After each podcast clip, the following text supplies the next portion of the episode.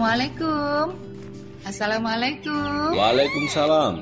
Eh Bu Bidan, mari mari mari Bu, silakan masuk. Iya Pak Ardi, terima kasih. Eh, silakan duduk Bu Bidan. Tumben pagi-pagi Bu, ada apa ya? Sebelumnya mohon maaf ya Pak Hardi mengganggu aktivitasnya. Begini Pak, desa kita kan bulan ini ada agenda vaksinasi COVID-19 untuk warga. Nah, maksud kedatangan saya ke sini untuk mengundang Pak Hardi ikut vaksin juga Pak. Ah, enggak enggak enggak Bu Bidan, saya enggak mau divaksin vaksin Bu. Oh, saya ini sudah sehat kok. Begini Pak Hardi, meskipun sehat, semua warga yang berpotensi terpapar COVID-19 harus mendapatkan vaksin Pak. Bu Bidan, kalau mau cari pasien vaksin, bisa cari ke tempat yang lain saja Bu. Saya nggak mau. Titik. Apa sih manfaatnya vaksin? Nanti habis divaksin, saya malah tambah sakit. Loh, loh, loh, loh, jangan berpikir negatif dulu Pak Hardi. Manfaat vaksin COVID-19 banyak loh Pak. Bisa memicu sistem imun tubuh untuk melawan virus corona. Sehingga resiko terinfeksi virus akan jauh lebih kecil. Jika yang sudah divaksin tertular COVID-19,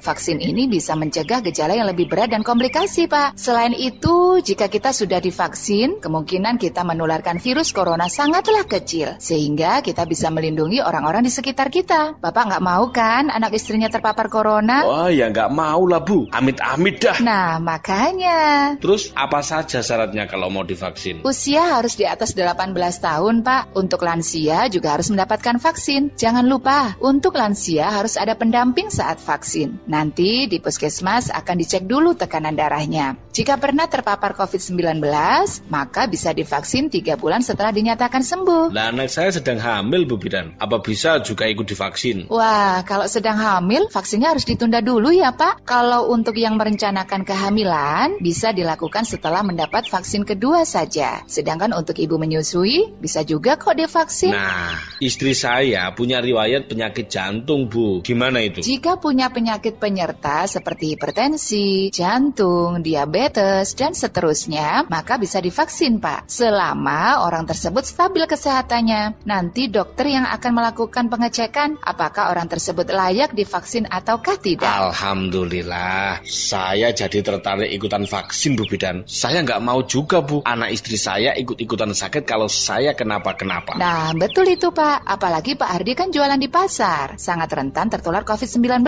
karena berada di lingkungan banyak orang. Siaplah kalau begitu Bu Bidan, undangan saya terima Bu. Alhamdulillah.